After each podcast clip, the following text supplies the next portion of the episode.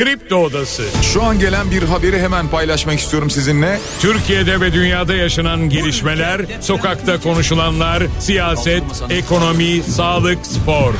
Son dakika haberleri, konuklar ve uzman görüşleri. Güçlü Mete ile Kripto Odası başlıyor.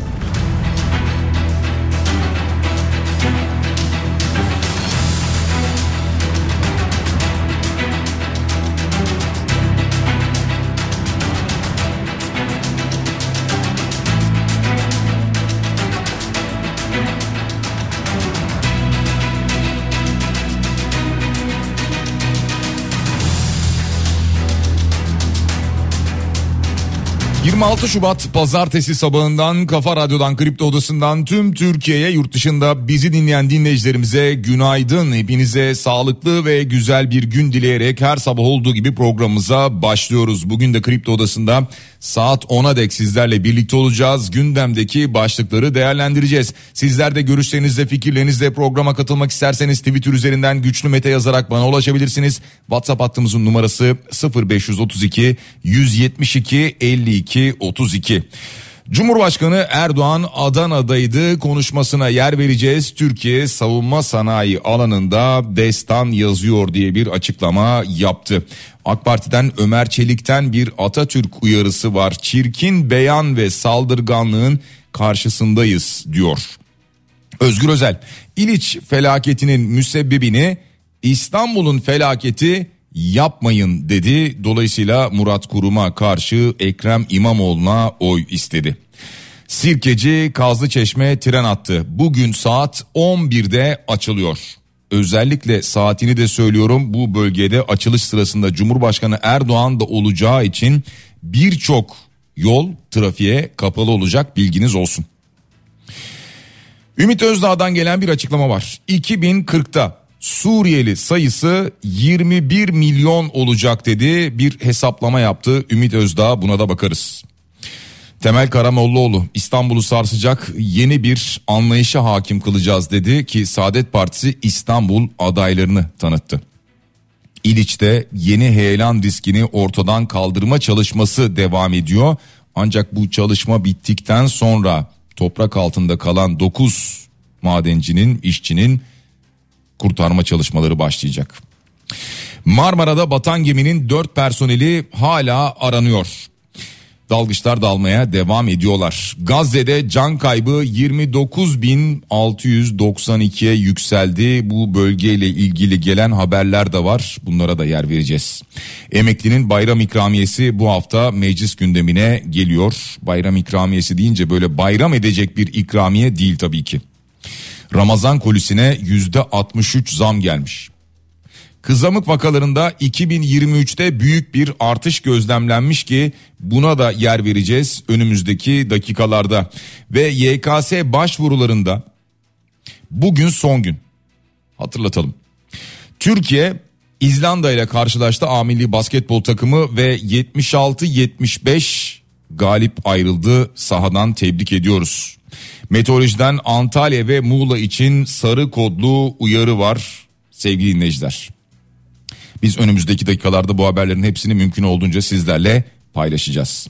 Hemen bir de finans tablomuza bakalım haftanın başında burada durum ne? Dolar şu anda 31 lira 9 kuruş. Euro 33 lira 69 kuruş.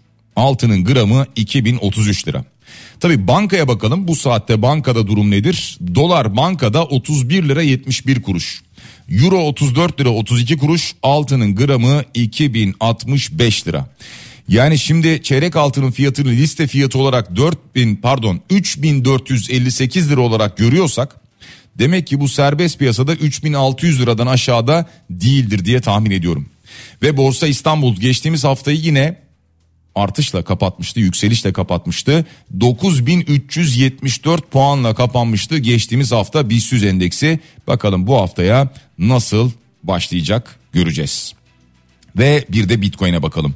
51.565 dolar seviyesinde işlem görüyor Bitcoin sevgili dinleyiciler. Kısaca başlıklarımız böyle biliyorsunuz sadece bu kadar değil daha çok haber paylaşacağız bugün program içerisinde mümkün olduğunca her haberi anlayarak dolayısıyla yolumuza devam edeceğiz. Cumhurbaşkanı Erdoğan Türkiye savunma sanayi alanında destan yazıyor diye bir açıklama yaptı. Hatta muharip savaş uçağı daha doğrusu öyle söyleyelim Kaan'la ilgili dünyanın çeşitli ülkelerinin kıskandığını da ve bunu konuştuğunu da söyledi yapmış olduğu açıklamada. Tabi Adana eser ve hizmet nasipsizlerini sırtında taşımaz diye bir açıklama yaptı. O istedi. Nasıl o istedi öyle söyleyelim. Bu seçimlerde aldığımız yüzde 45 civarındaki oy oranı Adana ile aramızdaki güçlü sevgi bağını yansıtmaktan çok uzak dedi. 31 Mart'ı da bunun için bir fırsat görüyoruz diye bir açıklama yaptı. Yani Adana'dan o istiyor. E, yüzde 45 yeterli değil bize diyor yapmış olduğu açıklamada Cumhurbaşkanı. Bu arada CHP'yi de eleştirdi. Başkanlarını partiden öyle bir attılar ki neredeyse kedisi Şero'yu bile partiden içeri sokmayacaklar dedi bu eleştirisi sırasında. Devam ediyoruz gündemdeki diğer başlıklarla. AK Parti'den Atatürk'le ilgili bir uyarı var. Ömer Çelik yaptı bu uyarıyı AK Parti sözcüsü son dönemde Atatürk ve dini değerlere yönelik kışkırtıcı ifadelerin kullanıldığını söyledi. Toplumsal fay hatları tetiklenmek isteniyor dedi ve her türlü çirkin beyan ve saldırganlığın karşısındayız diye bir açıklama yaptı. Ee, yani seçim dönemi yaklaştıkça maalesef e, Türkiye'de buna benzer şeyleri biz çok gördük bugüne kadar. Bunu üstelik sadece eski siyasetçiler falan da değil veya tuhaf değişik tanınan veya tanındığını zanneden tipler de değil. Bunu o anda aktif olarak siyasetin içerisinde bulunanlar da hep yaptılar. Yani Atatürk'ü veya Atatürk'ün düşüncelerini aşağılama gibi. E, veya yine benzer şekilde dini değerleri de aşağılama gibi. Ya burada da birbirine e, zıt iki kavrammış gibi gösterilmesi bile saçma. Ama bunları biz siyaset içerisinde maalesef gördük. Yani toplumun kutuplaştırılmasını da bugüne kadar hep yaşadık. Ya oradansın ya buradansın. Ya bendensin ya oradansın. Bunları hep gördük. Ortada duramazsın. Ya siyahsın ya beyazsın vesaire falan gibi. Bunların hepsini yaşadık. E, dolayısıyla bugünlere nasıl geldik diye bir geçmişe dönüp de bakmak gerekiyor. Türkiye Büyük Millet Meclisi Başkanı Numan Kurtulmuş yeni anayasa ya da anayasada köklü değişiklik fantezi değil demiş. Yani e, bir fantezi olduğunu söyleyen olmadı herhalde zaten de. E, netice itibariyle diyor ki Türkiye için bir zarurettir demiş. Yani bir mecburiyettir demek istemiş. E, bazı siyasilerimiz e, eski e, dili kullanmayı, Türkçeyi kullanmayı tercih ediyorlar. Herhalde e, biz de kullanıyoruz zaman zaman yayında biraz yaşlardan dolayı ama hani gençlere de hitap etmek gerekiyorsa biraz daha o dili sadeleştirmek gerekiyor bence. Neyse netice itibariyle yeni anayasadan bahsediyor. Yeni anayasayı biliyorsunuz uzunca bir süredir AK Parti istediğini söylüyor zaten. Ha, bu dönem içerisindeki bu dönem dediğim artık şu an e, meclis bundan sonra çalışmayacak e, seçime kadar seçimden sonra yeniden çalışacak ama bu sene içerisinde gelir mi bilmiyorum yani meclis kapanana kadar meclisin gündemini oluşturur mu? E, gelse geçer mi meclisten? Bunların hepsi e, soru işareti şu an için. Özgür Özel, İliç felaketinin müsebbibini İstanbul'un felaketi yapmayın dedi. Yani işte programın başında da söyledik Murat Kurum'u işaret etti. Burada e, Murat Kurum'a karşı Ekrem İmamoğlu'na o istedi. E, böyle bir açıklaması oldu Özgür Özel'in. Şimdi e, bugün İstanbul'da önemli bir hat açılıyor sevgili dinleyiciler. O hatta Sirkeci Kazlıçeşme tren hattı olacak. Ee, ki bu hattın açılışına Cumhurbaşkanı Erdoğan da katılacak. O nedenle altını çizerek e, söyledim. E, Cumhurbaşkanı Erdoğan 11'de olacak bu açılış. O saatte veya o saate yakın saatlerde katılacak ki o bölgede yoğun bir trafik oluşacaktır bilginiz olsun. E, çünkü zaten çevresindeki yollar trafiğe kapatılacak. E, aynı zamanda yani sadece bu çevresindeki yollar değil istasyonda da e, anladığım kadarıyla bir kapatma gerçekleşecek ki e, orada da çeşitli uyarılar şu anda yapılıyor. E, bakalım mesela hangi yollar ona bir bakalım alternatif güzergahlar da açıklanmış. Devlet demir yollarına ait araç otopark kapanmış araç otoparkı dün akşam saatlerinde. E, dün saat 20'den itibaren ve program bitimine kadar Kazlıçeşme, Marmaray, İspark alanına araç alınmayacakmış. Bu sabah 6'dan itibaren program bitimine kadar İETT Kazlıçeşme son durağı da kullanıma kapanacakmış. Sirkeci İstasyon Caddesi sabah 7 itibariyle program bitene kadar kapatılmış. Sürücüler alternatif güzergah olarak sahil Kennedy ve Ankara caddelerini kullanabileceklermiş. E, program bitimine kadar deniyor. Bu program 11'de başlayacak. E, biraz sarksa hemen 11'de başlamasa diyelim ki 12'de bitse diyelim ki 1'de bitse e, demek ki öğleden sonra biraz daha rahat olacak bu yollar e, bilginiz olsun. Yani en azından eskisi gibi trafiğe açılacak. Ekrem İmamoğlu'ndan kumpas göndermesi var sevgili dinleyiciler. O da neden? Diyor ki yani son zamanlarda e, aleyhimde bir takım e, değişik videolar oynatılıyor. Gerçek olmayan videolar oynatılıyor. Hakkımda iftiralar başladı. E, rakibim aday tarafından diyor. Aynı zamanda eş zamanlı sosyal medya üzerinden de aynı kampanya harekete geçti diyor. Bu videoları önceki seçimden de hatırlıyorsunuz diye bir konuşması var. Ve diyor ki bu kumpasın patronu o zaman canlı yayında milyonlarca vatandaşın gözüne bakıp ama montaj ama şu ama bu demişti diyor. Sahibi çok belli.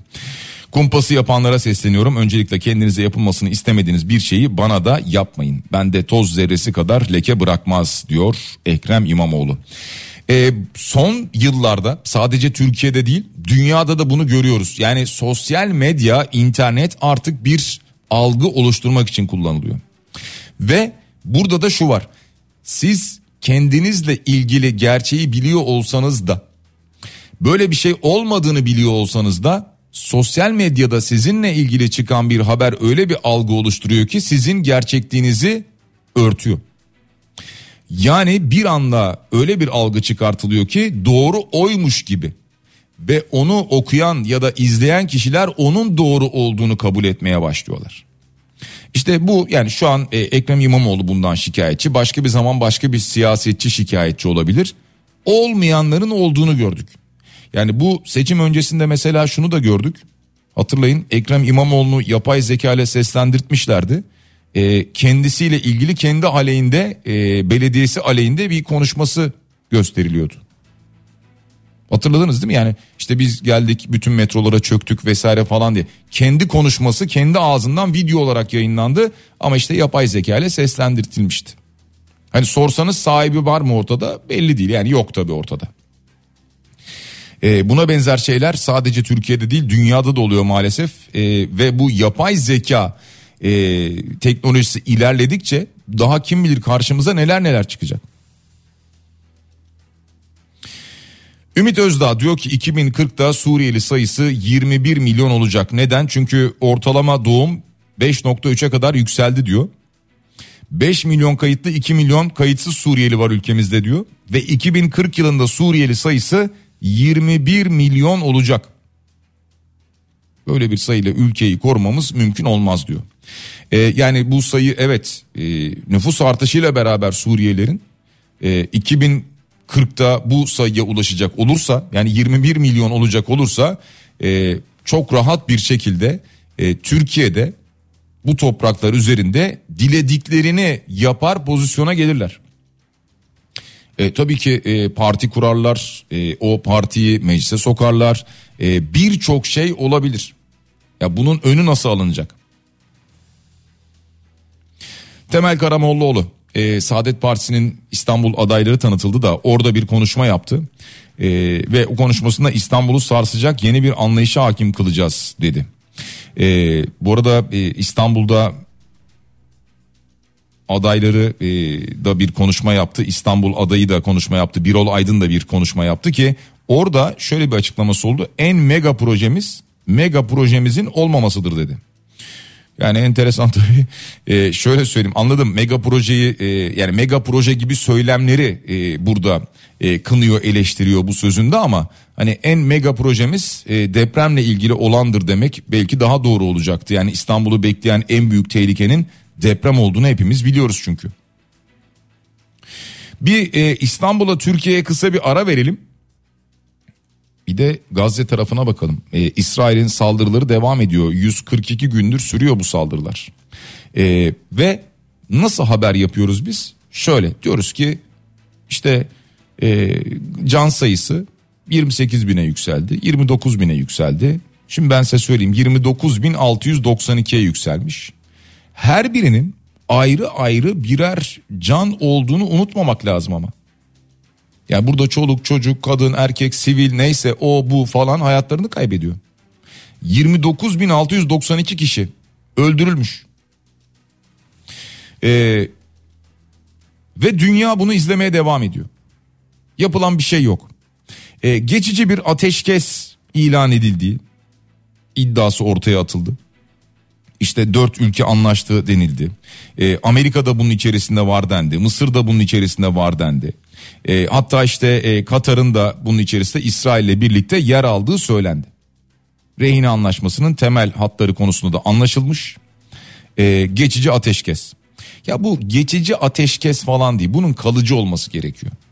Geçici ateşkes dediğimiz şey ne? Üç gün ateş etmiyorsun. iki gün neyse bir gün veya. Sonra vurmaya devam. İşte e, bir geçici ateşkes ilan ettik. Bölgeye insani yardım gönderiyoruz, ilaç gönderiyoruz. Evet insani yardım, ilaca izin verdik. Ülkeye girdi. Evet ertesi gün vurmaya devam. Bunun yani hiçbir manası yok ki. Zaten yani savaştan bir etik beklemek doğru bir şey değil ki. O yüzden savaştan etik falan beklemek hayal. O nedenle de artık bu geçici, geçici ateşkesin kalıcı ateşkes şekline dönmesi gerekiyor.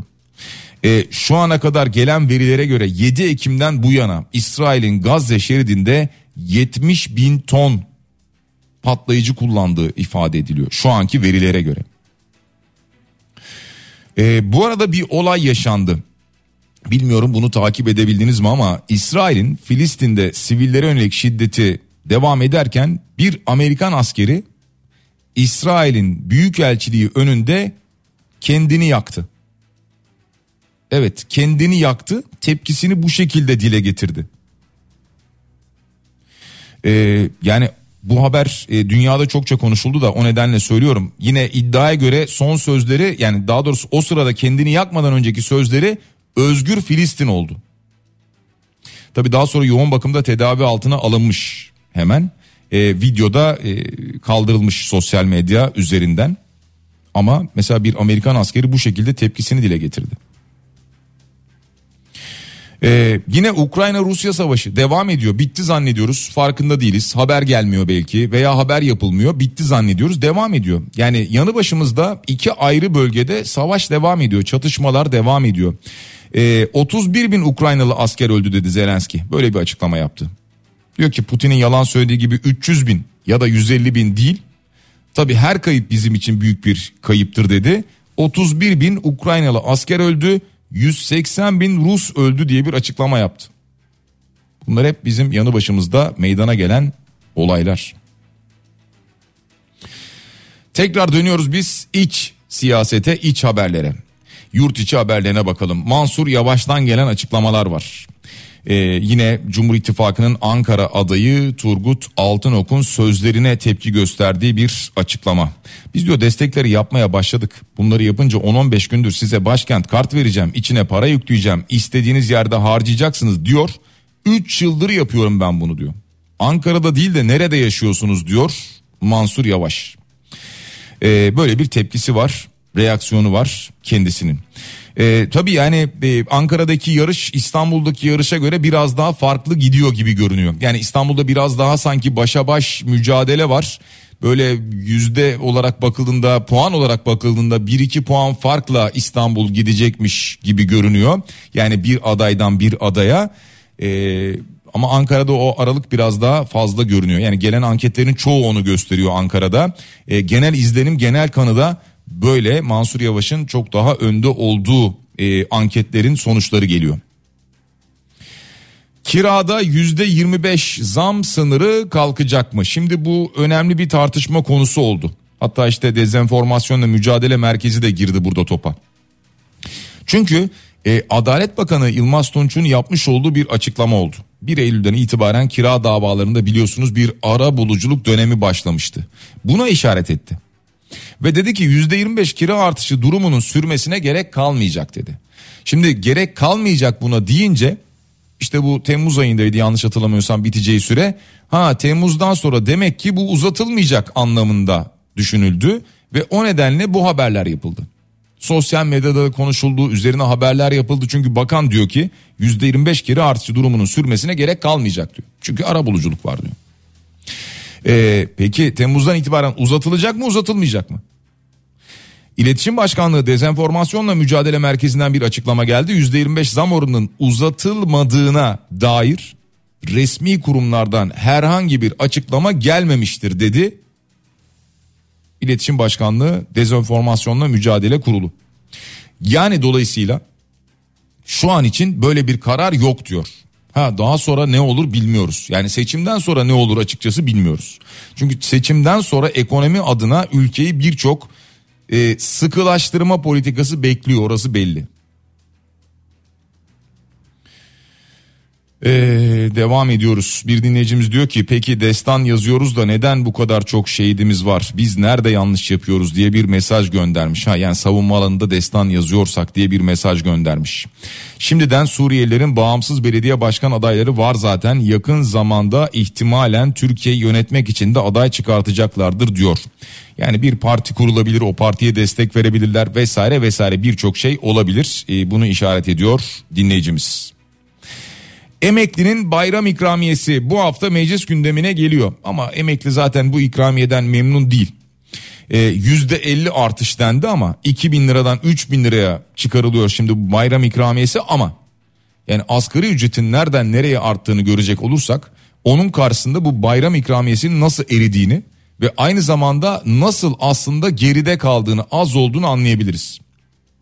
Ya yani 2000 liradan 3000 liraya çıkmış. 3000 liraya ne yapacak insanlar? 3000 liraya ne yapabilirsiniz yani? Ee, neyse netice itibariyle genel kurulda e, gündeme gelecekmiş. Elbet muhalefetin itirazı olur diye düşünüyorum. Yani bunu 3 değil 7 yapalım 7 değil 10 yapalım şeklinde muhalefetin itirazı herhalde olur. Öyle değil mi? Olur da netice itibariyle e, AK Parti ve MHP'nin oylarıyla muhtemelen yani Cumhur İttifakı oylarıyla diyelim o itirazlar reddedilir ve muhtemelen 3 bin lira olarak geçer. Ha bu arada şu da konuşuluyordu. E, emekliye bir zam veya bu ikramiyede bir iyileştirme seçim öncesinde yapılabilir deniyordu. Çünkü emekli burada e, hem kırgın hem üzgün hem de kızgın. O nedenle seçim öncesinde belki emekliye bir iyileştirme yapılabilir iddiaları vardı. Bakalım göreceğiz o iddialar doğru çıkacak mı? Bakın Ramazan kolisine yüzde 63 zam gelmiş. Ee, bugün e, Sözcü'de gördüm ben Saime Başçı'nın haberinde gördüm. Ee, işte bu Ramazan paketleri var ya e, işte çeşitli marketlerde vesaire falan gördüğümüz koliler. Ee, yüzde 16 ile yüzde 63 arasında değişen oranlarda fiyat artışları olmuş.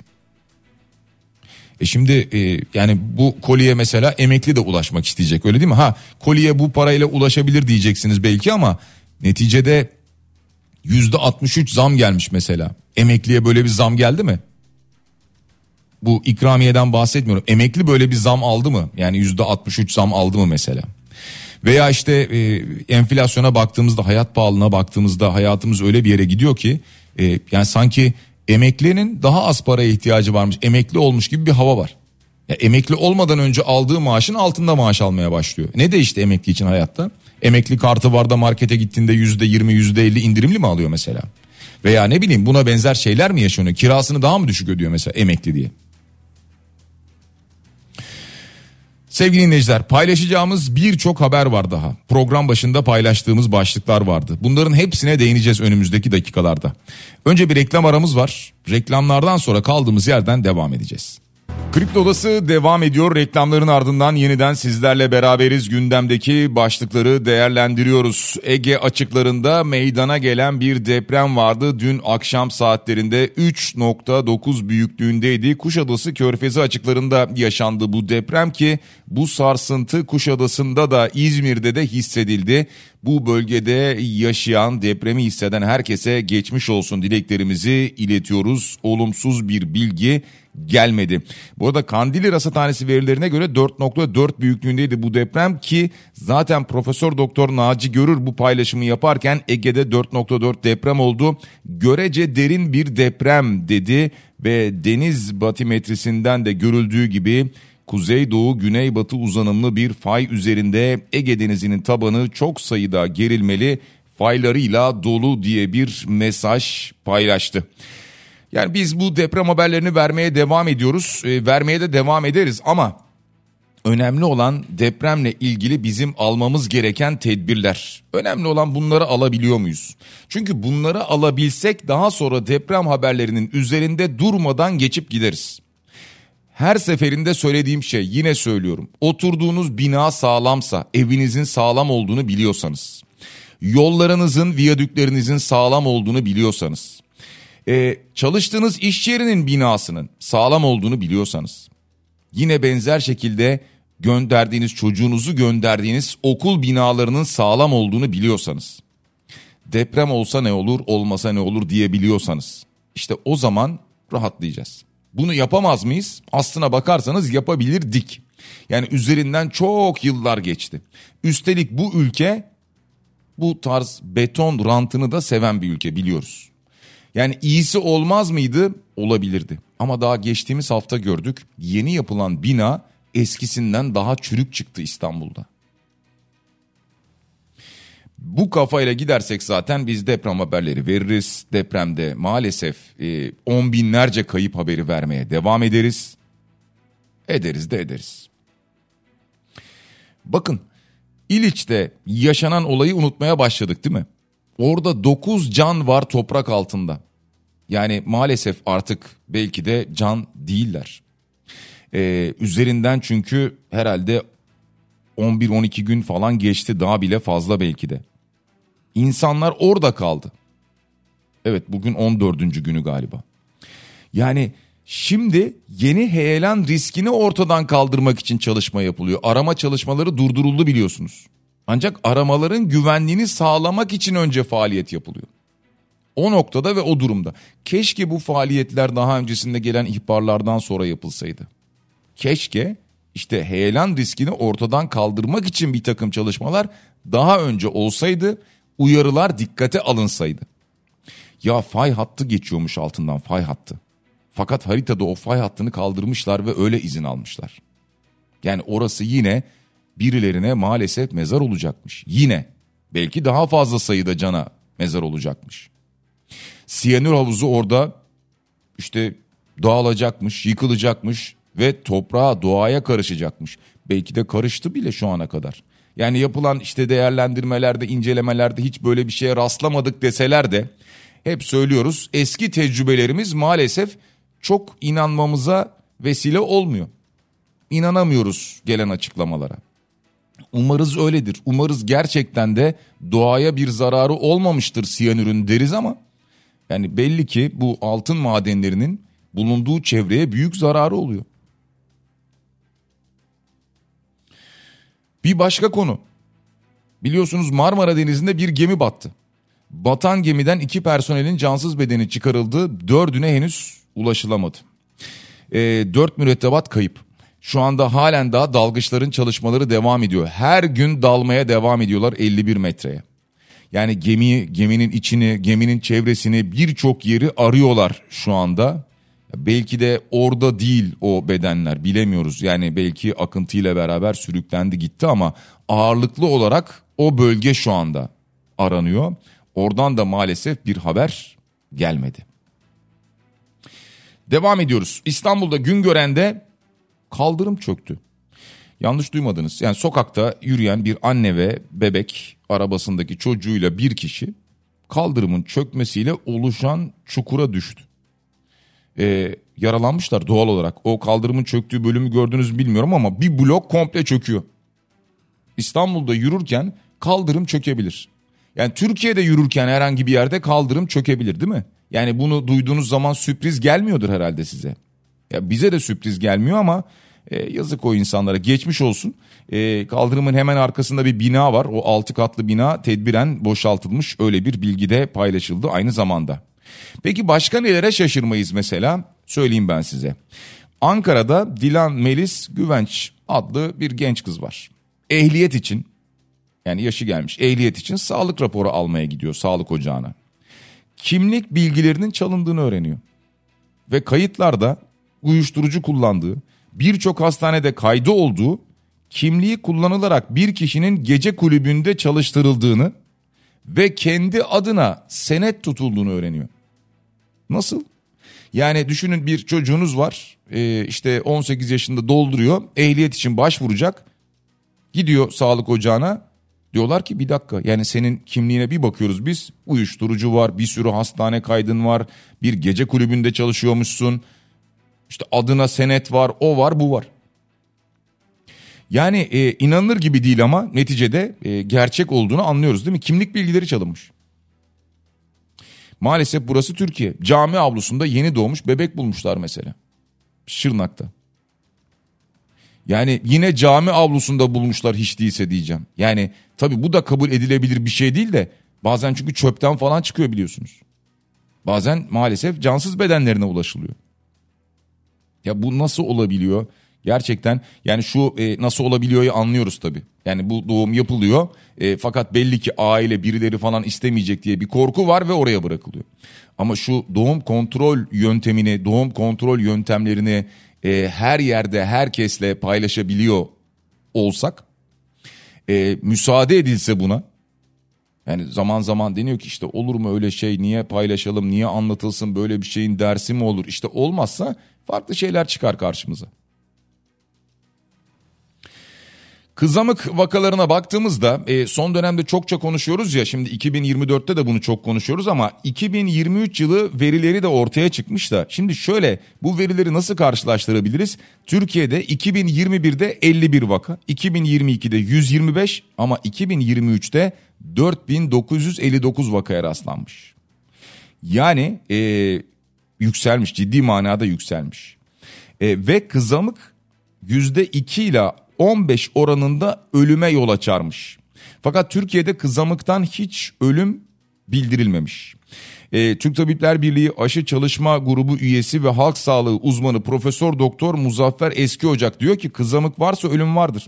4959 vakada henüz ölüm bildirimi yapılmaması hastalığın doğasına aykırı diyor.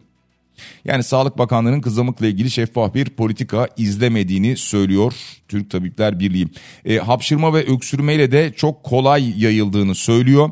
Aynı zamanda kızamık vakalarının az rapor edildiğini de ifade ediyor. Bilginiz olsun ve aşısız ve eksik aşılıların salgınıdır bu deniyor. Haberiniz olsun. Devam ediyoruz. Eskort ilanıyla dolandırıcılık yapmışlar internetteki eskort siteleri ve ilanlarını arayan iki kişi dolandırılmış. Telefondaki kadınla hesap numarasına 20 bin lira göndermeleri karşılığında evlerinde görüşmek için anlaşmış iki arkadaş. Parayı gönderdikten sonra da kadına bir daha ulaşamamışlar. Ama daha sonra emniyet ulaşmış. 3 yıldan 10 yıla kadar hapis sistemiyle bir iddianame hazırlanmış. Yani internet üzerinde her türlü dolandırıcılık var her türlü dolandırıcılık var. Aman dikkatli olun. Son zamanlarda e, ben sosyal medyada çok görüyorum Instagram üzerinde. E, hatta her gördüğümde de bu reklamı şikayet et vesaire dolandırıcılık diye o uyarıyı da yapıyorum oradan ki karşımıza bir daha çıkmasın diye. Birçok dolandırıcılık yöntemleri var, yöntemi var. E, bunlar içerisinde bakıyorsunuz işte bir oyun var, bir uygulama var. Şunu indir. Yok ayda 50 bin lira kazanıyor. İşte yılda 750 bin lira kazandı vesaire gibi. Aman bunlara kanmayın. Devam ediyoruz sevgili dinleyiciler. O kadar çok haber var ki şimdi arada bakıyorum hangi biriyle devam edeyim diye. E, YKS başvurularında son gün olduğunu söyleyelim. Yüksek Öğretim Kurumları sınavına başvurular için bugün 23.59'da süre doluyor. Gerçi YKS'ye başvuracak olanlar herhalde bunu biliyorlardır, atlamış olamazlar diye düşünüyorum ama biz yine de buradan uyarımızı yapalım. Adaylar her bir oturum içinde 295 lira ödüyorlarmış onu da hatırlatalım. Ve meteorolojiden iki il için sarı kodlu uyarı var. Sel, dolu ve yıldırıma dikkat diyor meteoroloji. O iki il hangisi? Antalya ve Muğla. İşte o iki il için sarı kodlu uyarı veriyor meteoroloji sevgili dinleyiciler. Bir de spor başlığına bakalım ki 27. hafta maçları oynanmaya devam ediyor. Bu haftayı Fenerbahçe, Trabzonspor ve Beşiktaş kayıpsız geçtiler. Galatasaray bu akşam saat 20'de Antalya Spor'la karşılaşacak. Fenerbahçe şu anda maç fazlasıyla 70 puanla lider. Galatasaray işte bu akşam maçı var. 69 puanla ikinci sırada yer alıyor. Üçüncü sırada Trabzonspor, dördüncü sırada Beşiktaş var. Ee, hemen bir de basketbolla ilgili haberimizi verelim. Milli takım A milli basketbol takımı yani 2025 Avrupa Şampiyonası elemelerinde mücadelesine devam ediyor. Sinan Erdem de İzlanda'yı konuk etmişti ki dün bu karşılaşmanın sonlarında 75-74 geri düşmüştü. Fakat Tarık Biboruç'in son saniye şutuyla kazandı. 76-75 A milli takım galibiyetle ayrıldı. Sahadan biz de kutluyoruz, tebrik ediyoruz. Bundan sonraki maçlarda da başarılar diliyoruz. Sevgili dinleyiciler, bugün önemli bir ismin doğum günü. Ferhan Şensoy. Herhalde e, Ferhan Şensoy e, yani şu an değil yıllarca hatta üzerinden 100 yıl geçse de 200 yıl geçse de unutulacak bir isim değil. Ferhan Şensoy'un bugün doğum günü olması vesilesiyle hem kendisini rahmetle saygıyla anıyoruz hem de aynı zamanda Ütopyalar güzeldir şarkısıyla ki şarkı onun şarkısı. Onunla şimdi sizlere veda edeceğiz. Ferhan Şensoy'u rahmetle saygıyla anarak. Cenkere Teknik Masa'da teşekkür ediyoruz. Biraz sonra Bediye Ceylan güzelce sizlerle Güzel Şeyler programında birlikte olacak saat 10'dan 12'ye dek Kafa Radyo'da. Yarın sabah aynı saat diliminde yeniden buluşana dek hepinize sağlıklı ve güzel bir gün diliyorum. Şimdilik hoşçakalın.